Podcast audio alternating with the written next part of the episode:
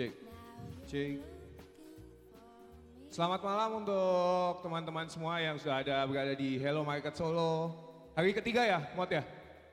Hari ketiga Hello Market Solo, hari Jumat tanggal 31 Januari 2020. Wah, akhir bulan.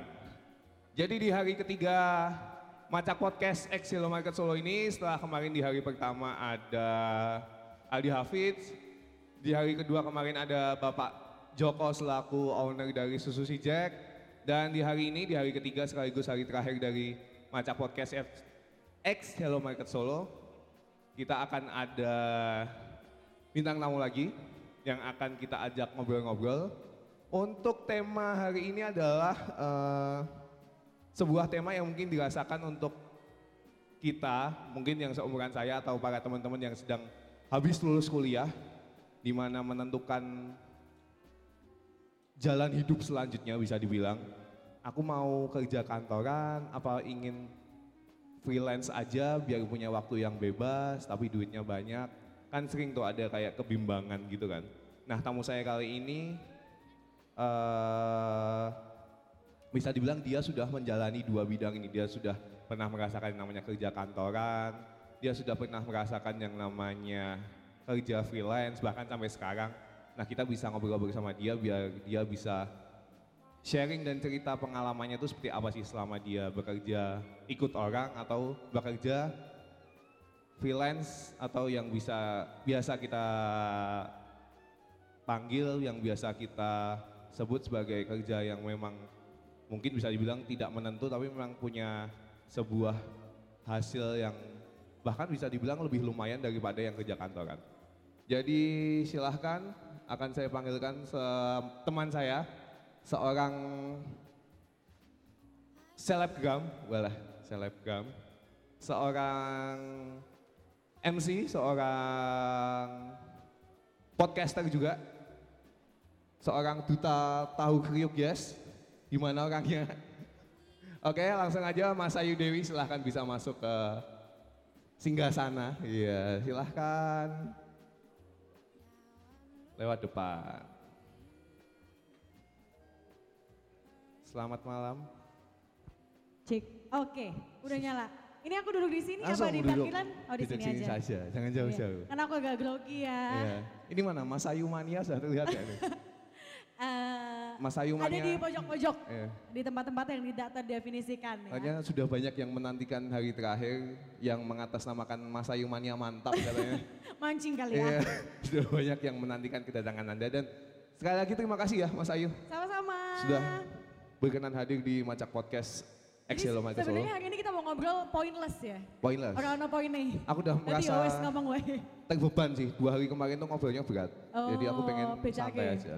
Oh, Pengen iya, iya, iya, Apa wae sing ade ngomong Oke, baik, baik, baik. Kadang jarang tuh ada bisa ngomong kosong nang tengah mall ini. Eh, eh, ya enak loh. Sebuah- Eh, kita gibah aja yuk kalau Iya. gitu. Ayo. Boleh nggak? Siapa yang mau kita julitin Nah, awal? kita julitin gosip terbaru ya. Kira-kira di Solo lagi hype apa sih? Kalau di Solo apa ya? Hello Market jelas. Hello Market pasti sudah ditunggu-tunggu. Ah. Apalagi sebentar lagi juga akan ada Solo Grid Sale juga kan. Solo Grid Sale, tuh bulan apa tuh? kang- eh, mulai awal bulan Februari. Oh. Jadi itu Jadi buat yang gajian nanti dulu ya. Iya, ini kan udah mulai tanggal-tanggal gajian tuh yang akhir bulan. Ah, Ya kalau freelance mah gajiannya kalau habis invoice-nya keluar sih Pak. Ah, ini kan mulai curhat ini, udah mulai Iya, keluar kan ini. Gini, kita mulai dengan kamu tuh dulu pertama mungkin setelah lulus SMA, apakah Mm-hmm. Sudah kayak punya pandangan gak sih kalau aku mau kerja kantoran aja, sudah punya kayak cita-cita atau mungkin wah aku meh freelance wae lah. Yang kalau bebas. dulu itu sebenarnya bebas pengen kerja di mana aja. Orang Hmm. tua juga mau bebaskan kamu pengen jadi apa. Tapi karena anaknya dulu suka kerja banget ya. Dulu waktu kuliah udah nyoba freelance, em, bukan freelance sih, nyoba kerja part time di radio di Suara Gama waktu itu dua tahun. Terus abis itu eh, resign, ikut Endang Sukamti. Abis itu resign lagi ke salah satu e-commerce warna hijau di Jakarta. Oke. Ada apa ini yang hijau yang apa? Kan Oh, banyak hijau. yang hijau. Hijau banyak ya? Iya. Eh, hijau yang em, sekarang ada ikonnya Korea cowok-cowok. Ananas saja. Nah, gitu. itu. Itu satu setengah tahun, terus sekarang pulang lagi. Pulang lagi karena saya sadar saya termasuk aset Jogja ya, Iya. asik. Tau banget. Enggak Aset raken ya ngomong Jogja we wong. Lah yo, Wong wong masakan, desa we. ya toh. iya. Kandani ora apa-apa, yang penting iso berkarya Iya, lah. menjajah ibu kota. Ah, tapi terus sekarang kerja lagi di Jogja sih. Cuman ya sebenarnya waktu kerja di Jakarta itu ada hal yang bikin kangen. Apa itu? Biasa kalau kerja di Jogja itu Senin Jumat kerja biasa. Mm. Udah korporat orang kantoran. Jam Tapi 9 sampai jam 5. Ya, 9 to 5, 9 sampai 5, terus ya banyak lah yang dipikir intinya gitu. Tapi weekendnya itu kadang bisa senang-senang kayak mungkin nge-host, nge-MC juga, terus apa ya, em, kadang nerima talent juga waktu masih kurus ya. Sekarang kan kayak aku dan 10 tahun, 10 kilogramku yang lalu gitu. Iya. Terus em, ya pokoknya apa aja sih kayak ngerasa Jogja tuh tempat yang oke, wadah yang oke untuk kita bisa melakukan apa pun. Jadi bisa dibilang malah dulu berarti sempat mengalami Hmm. masa di mana kamu juga kerja kantoran tapi juga kamu nerima kerjaan di luar kantoran itu ya. Betul, jadi malah justru freelance sih nek ditelateni ya lumayan loh bro. Nah betul, kayak nganggur, Gitu, nganggur iya, di kelasnya nganggur. lumayan. Nganggur ditelateni mumet ya toh, rebahan, lumayan mumet. terus kebahan, terus kan duit-duit ya kan. Jadi eh, melakukan hal yang disenangkan kayak nggak kerasa capek kan. Kalau weekend MC, em, Senin sampai Jumat kerja. Tapi di Jakarta, karena aku kerjanya di marketing offline, jadi Sabtu dan Minggu itu kadang masih kerja. Oh jadi weekend belum tentu libur juga Belum ya? tentu libur. Jadi kalau misalnya emang ada tawaran MC gitu-gitu, ya nggak bisa ngambil karena memang ada tanggung jawab yang lebih besar gitu, yang harus diselesaikan. Tapi bisa dibilang pada saat itu kayak setiap setiap weekend nih emang ketika kamu ada waktu Ah. kosong itu memang selalu kamu manfaatkan buat kerja apa kayak ngikutin mood kamu aja sih? Oh tentu tidak, saya termasuk tim rebahan juga ya. Oh, oke. Jadi kalau Sabtu dan Minggu kadang juga udah capek tidur, tapi kadang juga suka main-main ke museum, kadang nggak ada kerjaan ya kulineran makan, datang ke bazar-bazar, food and food court gitu-gitu. Jadi, masih kayak wah aku BU nih, wah ketika sudah BU Iya. barulah ya mau Tapi ada diambil. satu satu apa namanya? Satu fakta, Mm-mm. kadang itu wes tak titeni sih sebenarnya. Jadi kalau misalnya emang waktu aku dapat job MC di Jakarta, itu pasti aku selalu jadi em, kayak lead project gitu. Selalu pegang project di weekend itu. Oke, jadi, Jadi kayak memang nggak pernah nggak pernah jodoh gitu loh. yang harusnya Senin sampai Jumat tadi kerja udah kelar, ada project tambahan yang harus Nah, dihandle. Iya, jadi masalahnya kalau cari MC kan nggak mungkin kan dua hari sebelum event gitu. Kadang mepet-mepetnya itu pasti seminggu sebelum atau dua minggu, tiga minggu sebelum. Pasti itu waktu aku pegang project kantor. Jadi otomatis nggak bisa dong ngambil itu. Padahal kayak, karena aduh emang- kangen nih gitu. Dan tapi kewajiban utama tetap harus yang di kantor Betul, itu ya. tapi senangnya adalah eh, di kantorku yang lama itu em, aku tuh juga bisa mengekspresikan diri gitu. Jadi kayak misalnya banyak acara-acara kantor yang di dalam kantor sendiri itu butuh MC juga. Nah kadang refreshingnya di situ sih. Cuman ya tahu sendiri lah kalau misalnya di kantor kan dieksploitasi ya. Oh berarti tidak tidak Jadi- ada tambahan ya? Iya betul. Dianggapnya sudah bagian dari Iya pekerjaan. betul, itu kayak ya udah nilai plus kamu aja gitu.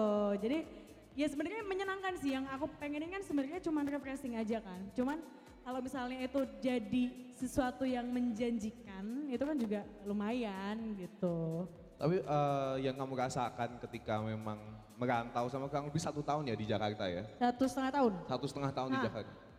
Eh, aku sendiri belum pernah ngerasain yang namanya kayak kerja di ibu kota. Ini kan Asik. sebuah hal yang eh, diidam-idamkan, yang diimpi-impikan. Uh-uh. Kerja di sebuah startup yang Uh-uh. sangat anak muda, yang kerjanya santai, cuma pakai kaos Oke. segala macam. Iya iya. Apa kamu juga merasakan hal itu? Sebelum kamu masuk ke sana dan setelah kamu rasakan apakah masih seenak yang kamu bayangkan sebelumnya? Aku justru malah dulu nggak pernah punya bayangan bisa kerja di startup. Sama Oh. sekali. Dulu malah pengen kerjanya di salah satu TV yang masih dipimpin sama Wisnu Tama. Oke. Pengennya di situ karena kayak oh ya em, bisa nge-host juga terus bisa ya pokoknya anak muda lah isinya. Iya. Malah nggak pernah kepikir bisa kerja di salah satu startup yang segede itu Segede gitu. itu. Jadi waktu aku pertama masuk tuh benar-benar ya udah sih biasa aja gitu ya namanya orang kerja gitu. Nggak ada angan-angan yang aku Gak ada ceritain yang tadi ya. wah gila nih bisa kerja di sini nggak ada sama sekali nggak ada kayak ya udah kerja kerja aja sih gitu. Terus em, malah dilemanya itu jadi ngerasa kayak kebanggaannya tuh muncul itu waktu mau resign. Aduh, aku udah Karena nggak banyak bisa lagi nih jadi representatif, iya gitu. Oke. Jadi Kamu dulu posisinya apa sih di sana? Kalau boleh tahu. em, namanya event marketing specialist. Jadi itu kayak handle event-event. Handle event dari segi imagery brand sampai executionnya Oke. gitu. Jadi kayak lebih banyak memang di lapangan ya bisa dibilang ya. Heeh, jadi kayak misalnya kayak gini nih, nah Hmm. gimana caranya mereka bisa beli itu pakai apps itu.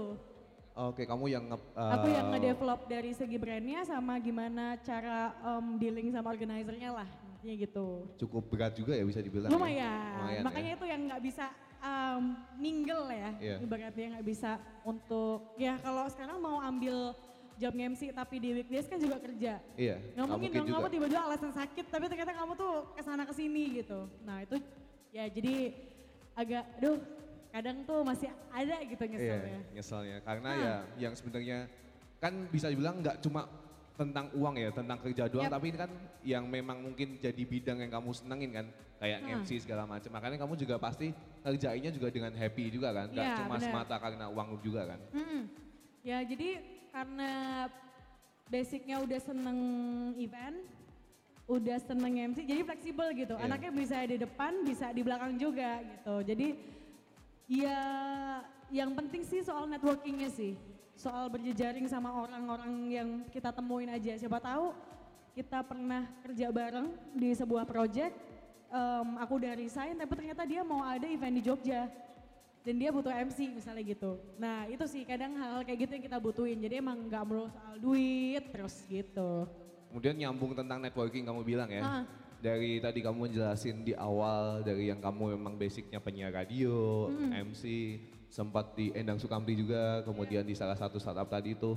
Kemudian kan itu eh, secara tidak langsung kan menambah memang koneksi kamu ke orang-orang lain. Baik itu yang memang antah berantah kamu gak kenal dan akhirnya bisa Ah. jadi deket sampai sekarang. Dan itu kamu benar-benar merasakan impact positifnya dari itu ya sampai Benar. sekarang ya. Benar. Jadi em, setelah aku dari band itu, terus aku di kantor yang hijau itu kayak langsung, loh mbak sekarang udah nggak ngikut ya sama Iya. mas ini gitu. Kenapa resign? Oh resignnya ternyata di sini ya.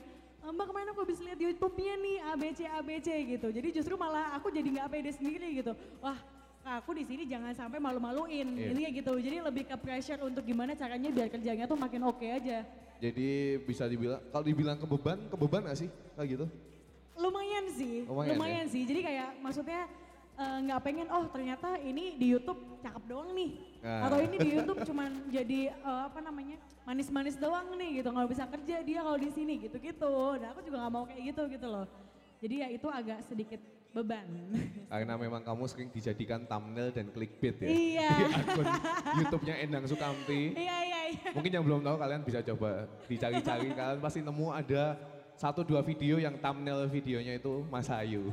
Aduh Dan ya gitu makanya lah. Kamtis Mania Kamtis mania mantap. mantap ya. Jadi lebih banyak yang mungkin jadi ikut memuja kamu juga daripada bandnya. Waduh, janganlah memuja-muja Tuhan deh. Jangan saya, saya bukan siapa-siapa. Terus kemudian dari pengalaman kerja kamu tadi segala Ah. macam sampai akhirnya kembali lagi ke sini. Baru nganggur berapa bulan berarti? Aku November itu udah cuti sebulan. Aku ambil cuti sebulan loh. Oh iya, cuti saking sebulan. saking nggak pernah cutinya tuh ngambil cuti sebulan.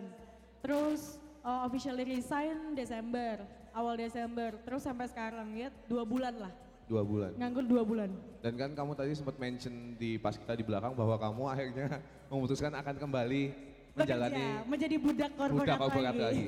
Berarti selama dua bulan itu apa? Ada sesuatu atau sebuah hal yang bikin kamu rindu kayak ingin kerja ya tadi 9 to 5, Senin sampai Jumat. Sebenarnya kalau uh, 9 to 5 sih enggak.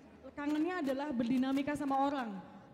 Kayak ribetnya kita marah-marahnya sama orang, marah-marahnya kalau koordinasi tuh nggak benar. Terus ternyata kita tuh em, networking sama orang yang benar-benar baru itu kayak gimana. Justru lebih kangen di situnya sih. Oh, Karena kan jadi, kalau iya. MC kadang paling cuman sama orang yang punya acara aja. Terus kita eh, ngobrol mau acaranya gimana. Udah MC kelar gitu syukur-syukur kalau repeat order gitu. Kalau enggak kan ya udah kelar di situ aja. Cuman kalau kita kerja kan kita selalu berdinamika sama orang yang ketemunya 4L. Lo lagi, lo lagi gitu. Jadi gimana caranya untuk em, selalu komunikasi sama orang yang mungkin sebel sama kita di kerjaan nih. Tapi kita harus tetap kerja sama dia. Mau mau nggak mau kita harus menghadapi apa pun kondisinya Iya kan. benar. Jadi lebih kangen dinamika itu sih. Walaupun sebenarnya dua bulan ini em, kesibukanku selain tim rebahan adalah ngebantuin orang tua bisnis. Oke. Gitu sama freelance MC tetap. Cuman Dengan eh, bisa juga kan kegiatannya pun juga bermacam-macam tuh. Dari yang bantu orang Iya. tua, masih ada freelance segala macam. Eh, tapi itu menurutmu masih belum cukup untuk menutup atau mengobati apa yang kamu rindukan tadi Iya, ya?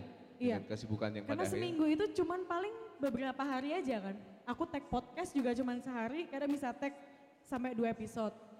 Oh jadi langsung di double gitu. Jadi langsung gitu. Jadi maksudnya em, sebenarnya kayak apa ya, butuh yang tiap hari aku kerjain nih, apa ya gitu. Kalau bisnis kayak, aduh aku belum berani. Jujur aku sebenarnya pulang dari Jakarta itu pengen bisnis juga. Jadi kerja biasa aja, nggak usah di startup atau di e-commerce gitu. Tapi pengen coba bisnis sendiri. Cuman kayaknya wah ternyata resikonya gede banget ya. Aku belum berani di situ. Berarti kan Jadi kamu mungkin harus ketemu orang di bawah orang lagi nih. Berarti gitu. kamu tipikal yang ketika memang merencanakan sesuatu, misalnya kayak bisnis tadi, tapi Ah. kamu rasa kamu masih belum siap dan nanggung, mending kamu mundur aja ya daripada Iya. tetap nekat ya. Iya, aku mundur aja sih. Karena kalau aku tetap maju, aku nggak yakin sama yang aku jalanin nih. Jadi nanti daripada flop dan aku menyesali, itu bakal jadi apa ya?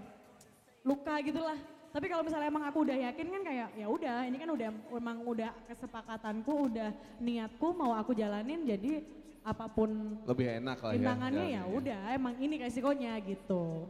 Berarti memang ya akhirnya memutuskan untuk kembali bekerja, Iya. untuk merasakan kembali dinamika, kerja jam betul. 9 sampai jam 5 tadi. Iya, iya. Tapi mungkin masih bisa lah ya kayak akan freelance-freelance kayak MC di weekend mungkin masih akan bisa gak sih? Bisa banget, Bisa justru banget. bisa banget. Jadi karena emang nggak ada kaitannya sama event sama sekali, jadi memang Sabtu Minggu itu libur. Karena emang di Jogja terus aku mikir, aku harus cari kerjaan yang emang eh, ngobatin atau jangan sama sama kerjaanku di Jakarta. Karena kalau sama ya apa dong esensinya kamu di sini. Dan aku sempat punya ketakutan gitu. Kalau aku pulang ke Jogja nih, apakah aku masih eh, Mas Ayu yang sama dengan MC ETC ETC gitu Empat loh. lima tahun yang lalu ya. Iya, jadi masih kayak yang masih dengan masa yang sama nggak ya gitu loh. Takutnya kayak wah jangan-jangan mereka udah udah banyak nih bibit-bibit MC baru gitu. Ternyata puji Tuhannya enggak gitu. Maksudnya mereka masih ingat dan bahkan Ingat ya. Merasa eh, terbohongi gitu. Oh, Udah ke Jogja kok nggak bilang-bilang gitu. Jadi sebenarnya emang belum pernah ngomong officially aku di Jogja karena aku ngerasa ya emang belum ada ngapa-ngapain nih di Jogja. Jadi nanti aja kalau udah ada sesuatu baru deh diomong-omongin kalau di Jogja. disebarkan oh ini aku udah di sini gitu. Iya, tapi beda loh kehidupan em, sebagai budak korporat maupun sama freelancer ya. Kalau freelancer yang emang udah 30 hari nge-MC gitu, aku nggak tahu kehidupannya kayak Iya. apa. Cuman kan aku nge-MC karena aku seneng gitu. Jadi kalau misalnya aku ngerasa capek ya aku nggak akan ngambil gitu. Maksudnya, tapi karena aku seneng eventnya, aku seneng em, apa mau nyoba kesempatan barunya ya aku pasti akan ambil gitu sih. Tapi ketika kamu jalan di awal sebagai MC, dia Hmm. sebagai MC, kamu belum punya sampingan dan kamu belum kerja di kantor kan? Ya. Dulu sampai di titik sesibuk apa sih kamu dulu? Ketika memang MC gitu, Hmm. udah ngerasa kayak 30 hari itu yang kayak tiap hari selalu MC. Enggak, enggak sih. Nggak. Enggak sih. Em, aku beraninya waktu itu seminggu cuma ngambil tiga kali. Seminggu tiga kali. Ha-ha, karena aku harus siapin besok bajunya apa. Terus berarti harus refresh lagi kan. Aku hari ini MC-nya em, peresmian nih. Besok aku MC-nya gathering nih. Jadi kayak aku belum bisa yang sehari bisa kayak dua venue dan segala macem gitu. Jadi, Jadi belum se- belum senek itu ya. Ah, karena aku sendiri kayak, wah aku belum yakin daripada nanti aku mengecewakan yang emang nge-hire aku. Jadi mending aku ya semampuku aja gitu. Tapi biasanya dulu eh, ketika kamu memang punya intensitas MC yang bisa dibilang eh, tinggi, Mm-mm. kamu termasuk yang picky gitu gak sih kayak milih event apa yang harus aku Enggak mau sih. nih atau yang ini ah enggak ah gitu gak sih? Enggak sih, selama aku bisa cocok dan aku pengen nyoba terutama tantangan baru ya kayak misalnya aku belum pernah nge-MC X nih. Ya udah aku akan coba gitu. Walaupun kayak masih abu-abu tentang apa yang akan Ya. di eh, acara apa yang akan di MC gitu ya. Tapi aku akan make sure sama IO-nya dulu nih. Em, gayaku kayak gini, aku kasih mereka em, video. Terus mereka cocok ya berarti nggak akan nggak akan jadi masalah gitu loh dengan acara mereka yang bakal aku bawain nanti. Tapi pernah nggak sih kayak punya pengalaman MC yang kayak sebelumnya nggak pernah acara yang nggak pernah dibayangkan, Uh-uh. terus kamu MC di acara tersebut. Mungkin kan kalau wedding sudah biasa, Ya. kalau mungkin kayak acara corporate ya? udah biasa. Pernah nggak sih ada pengalaman MC di apa gitu? Hmm, waktu itu, oh MC yang didatengin, oh jadi waktu itu ada kayak acara kayak gini juga, MC sama ownernya yang punya mall, Mm-mm. terus MC lagi, pokoknya itu acara baru pertama kali diadain di Jogja, langsung MC opening ceremony-nya, itu deg-degan banget, karena kayak ngerasa itu di mall, terus kayak ini adalah acara pertama, kayak ngerti gak sih bebannya itu krusial, kayak apa acaranya gitu. krusial banget. Iya gitu, dan em, apa namanya, waktu itu posisinya adalah karena aku ngegantiin teman aku yang teman aku tuh sakit cacar. Oh jadi malah jadi backupan kamu? Iya, karena jadi backupan. Nah, tapi itu justru malah biasanya kan kalau jadi backupan tuh kayak oh ya udahlah gitu loh. Ini justru malah lebih deg-degan dari kamu MC utamanya gitu karena kamu merasa belum pernah briefing sama Ah, IO-nya. belum tahu akan seperti apa Betul. caranya. Nah, itu jadi kayak yang wow, gimana nih ya? Wow, gitu-gitu sih. Tapi so far selama ini sih em, aku MC-nya MC yang hore-hore, kayak MC yang gathering em, staff, terus juga festival-festival, terus juga pensi kayak gitu. Jadi untuk yang serius-serius sih cukup jarang sih kalau aku. Ada tapi mungkin tidak tidak yang Intensitasnya nggak begitu banyak, begitu banyak dengan ya. yang hore-hore gitu.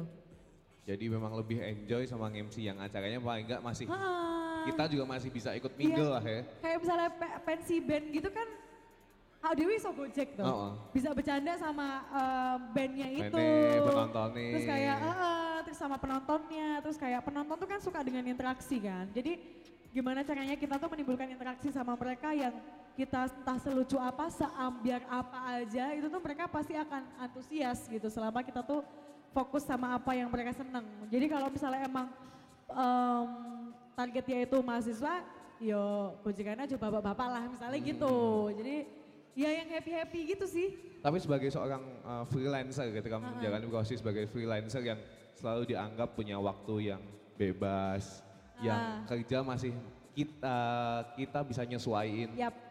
Tetap ada fase kayak jenuh, fase bosen, fase yang kayak males-malesan gitu gak sih? Fase jenuh justru karena nggak ngapa-ngapain sih. Berarti tidak ada job ya, kalau pas gak ada iya, job. pas kayak seharian ngangut ngapain ya gitu. Jadi waktu itu yang bikin bingung.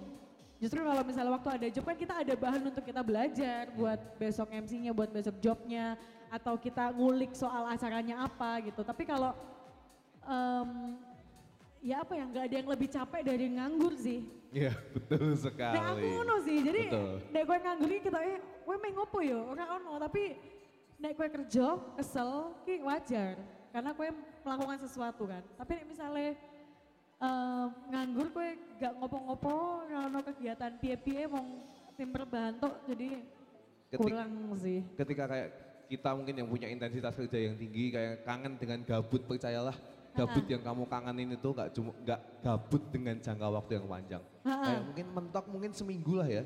Kayak kayak wis Seminggu. bosen lah. Kayak Eh percaya apa enggak ngapa-ngapain. ya, aku abis resign itu langsung kayak orang stres tau. karena apa Karena biasa dengan pekerjaan dengan load yang tinggi tiba-tiba terus nggak kerja. oh berarti bukannya kamu merasakan punya kebebasan lepas dari beban itu malah jadi stres ya? Enggak, stres. oh menarik juga ya. Karena ternyata kayak maksudnya malah itu yang malah dirasain loh ngapain ya aku? Oh. kayak sumpah jadi bingung ngono loh. Biasanya dikejar-kejar ya? deadline segala macam tangi turu mangan nonton Netflix mangan meneh. Repeat ngono terus nganti wengi ya di Instagraman terus ngantek kuotane speng seket. Lih, refill. Dan akhirnya yang kayak eh, aktivitas yang mungkin diinginkan sama orang-orang banyak yang nggak punya kesempatan itu nyatanya setelah dilakukan ya ya tidak bertahan lama ya juga tidak kita menikmatinya. juga ya Tetap sama aja. eh tenang loh gue nek kakek rebahan mumet rasih Heeh. mumet kan Langsung kenceng ini. ah kenceng koyo mangan kambing ya Kan padahal kabeh udah bangga wah aku tim rebahan ya kan. Enang Twitter itu anu. Aku ora percaya sih dia bangga dengan Bos tim rebahan. rebahan wis sedino saka esuk nganti sore wis kowe mau nang kasur, guys. Kowe wis kowe tangi kaya Wes nganti kelat karena sore. Kaya meh ngene iki wis abot malah malah semakin menyiksa ya bisa dibilang Iya. kayak gitu kan. Iya iya. Jadi kayak memang berkegiatan tuh menurutku tetap harus sih. Yap. Ya kowe nganggur gak apa-apa ning yo sing rada enek faedah lah. Iya, iya, Ada iya. manfaat. Bikin-bikin podcast. Nah itu, Ah. tahu gak sih kenapa sekarang aku bikin podcast itu karena awalnya aku ngapain ya, capek nih nganggur gitu. Kayak gak ada yang dikerjain, kita bikin bikin podcast aja ya udah. Jadi terus habis itu bikin podcast bertiga. Waktu itu teman-teman seangkatan radio gitu. Itu udah berapa bulan podcastnya sekarang? Eh, sok lupa kayak udah lama ya, padahal baru 6 episode, tiga eh 5. bulan. 5 episode. Lima episode, lima episode. Tapi Ba- sustain bro, kayak eh, apa namanya? eh tiap Senin. Jadi sudah menentukan jadwalnya bahwa Ah, harus tiap ini. Ya target lah ya sekarang. Iya, karena kenapa Senin? Karena Senin itu adalah minggu, kue mesti wes liburan. Senin gue kerja, meeting tengah sore, kue mesti ah mau foto lagi Senin nih, sambat tuh kue. Bener. Makanya podcastnya itu. dikasih nama Iya podcast namanya The Sambat. Podcast Sambat, jadi kalau mau dengerin boleh. Jadi eh, Mas Ayu juga punya podcast, podcast sambat bertiga ya, konsepnya bertiga Iya. ya. Ada sama Bertiga cewek-cewek.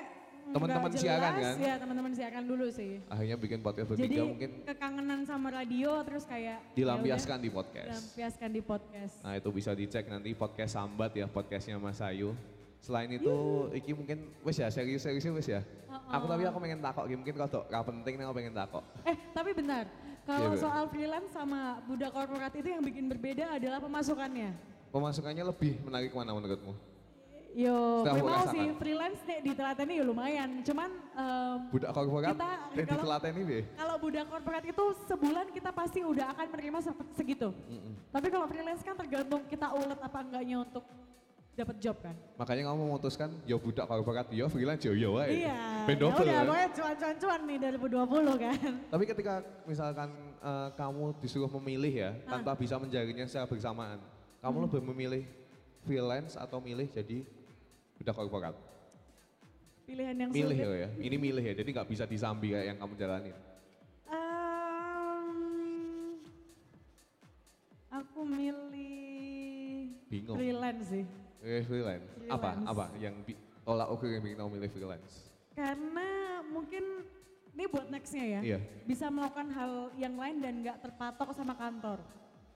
Dan Kalau sekarang kan karena aku ngerasa butuh dengan rutinitas gitu. Jadi yo gelem ra gelem aku tuh tadi budak korporat gitu.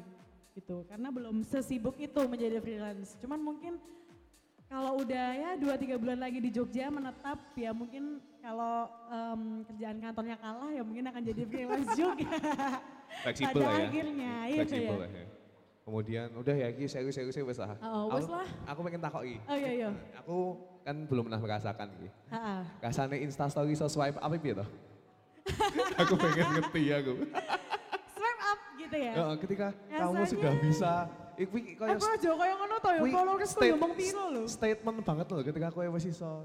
Aneh ya, aku gini gini gini, swipe up nanti. Jadi kasah up. nulis caption sing dawa, gue menjelaskan. Rasane. Ya, rasanya piye? Rasane biasa wae sih. Oke, nek hal yang spesial nih, mungkin kayak semacam pamer virtual aja ya. Ah, ah, nih akun gue bisa swipe up nih. Tapi jadi orang nggak segitunya juga Kita sih. biasa wae berarti ya. Biasa wae. Jadi gue orang ngerasa Oh, oh. piye-piye, Maksudnya aku gue biasa wae bro rasanya. Bayangke wah wong-wong ini wis do iso swipe apa do ya ya oh. Oh jangan sedih, sekarang juga ada jasa beli Beli swipe anu. beli followers kan? Oh iya, jadi Nah, bisa kan itu. minimal sepuluh ribu ya. Cuman, cuman emang engagement tuh nggak bisa dijual ya. Iya, Engagement iya. itu nggak bisa bohong. Saya tahu banget engagement kayak gimana. Iya kan? Apalagi postingan yang sempat dihapus kemudian diupload lagi. Itu. itu cuman dia arsipkan aja kok. Oh iya. Saya sempat capture kok tenang aja.